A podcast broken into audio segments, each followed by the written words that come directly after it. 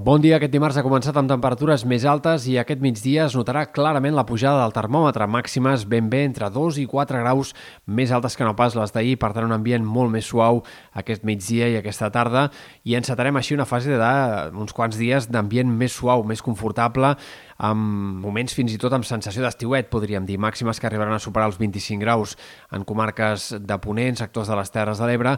i eh, tot i que en general a la costa i al prelitoral avui serà el dia de temperatures més altes, en algunes comarques interiors i del Pirineu encara demà i dijous la temperatura tendirà a enfilar-se una mica més. Tot això s'acabarà sobtadament però al cap de setmana perquè dissabte arribarà una pertorbació que farà tornar a entrar aire fred de forma contundent i diumenge i en la primera part de la setmana que ve tornarem a parlar de temperatures baixes per l'època i altre cop d'un fred clarament de tardor. Pel que fa a l'estat del cel, avui el que esperem és un dia amb núvols prims, sobretot a la tarda i vespre. El cel quedarà més enterbolit, núvols més espessos en sectors del Pirineu i alguns alguns altres àmbits de l'extrem nord de Catalunya, però només hi haurà algunes gotes que arribaran a caure a la Vall d'Aran o al nord del Pallars, en tot cas. De cara a demà, dia més variable, sobretot a la meitat est, comarques de la costa i del peritoral, els intervals de núvols hi apareixeran amb més freqüència i a la tarda fins i tot no descartem algun ruixat puntual en aquests sectors de la costa i del peritoral, en tot cas pluges minces.